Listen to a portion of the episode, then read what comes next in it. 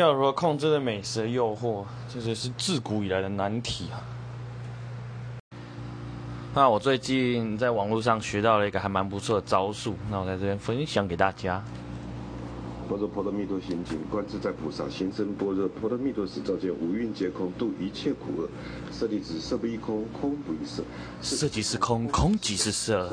大家不觉得念着念着，那个心都已经平静下来了？那心平静下来的时候就不会对美食产生这么多的诱惑所影响。这是大家回去可以多多练习没错。这个好方法在这边分享给大家。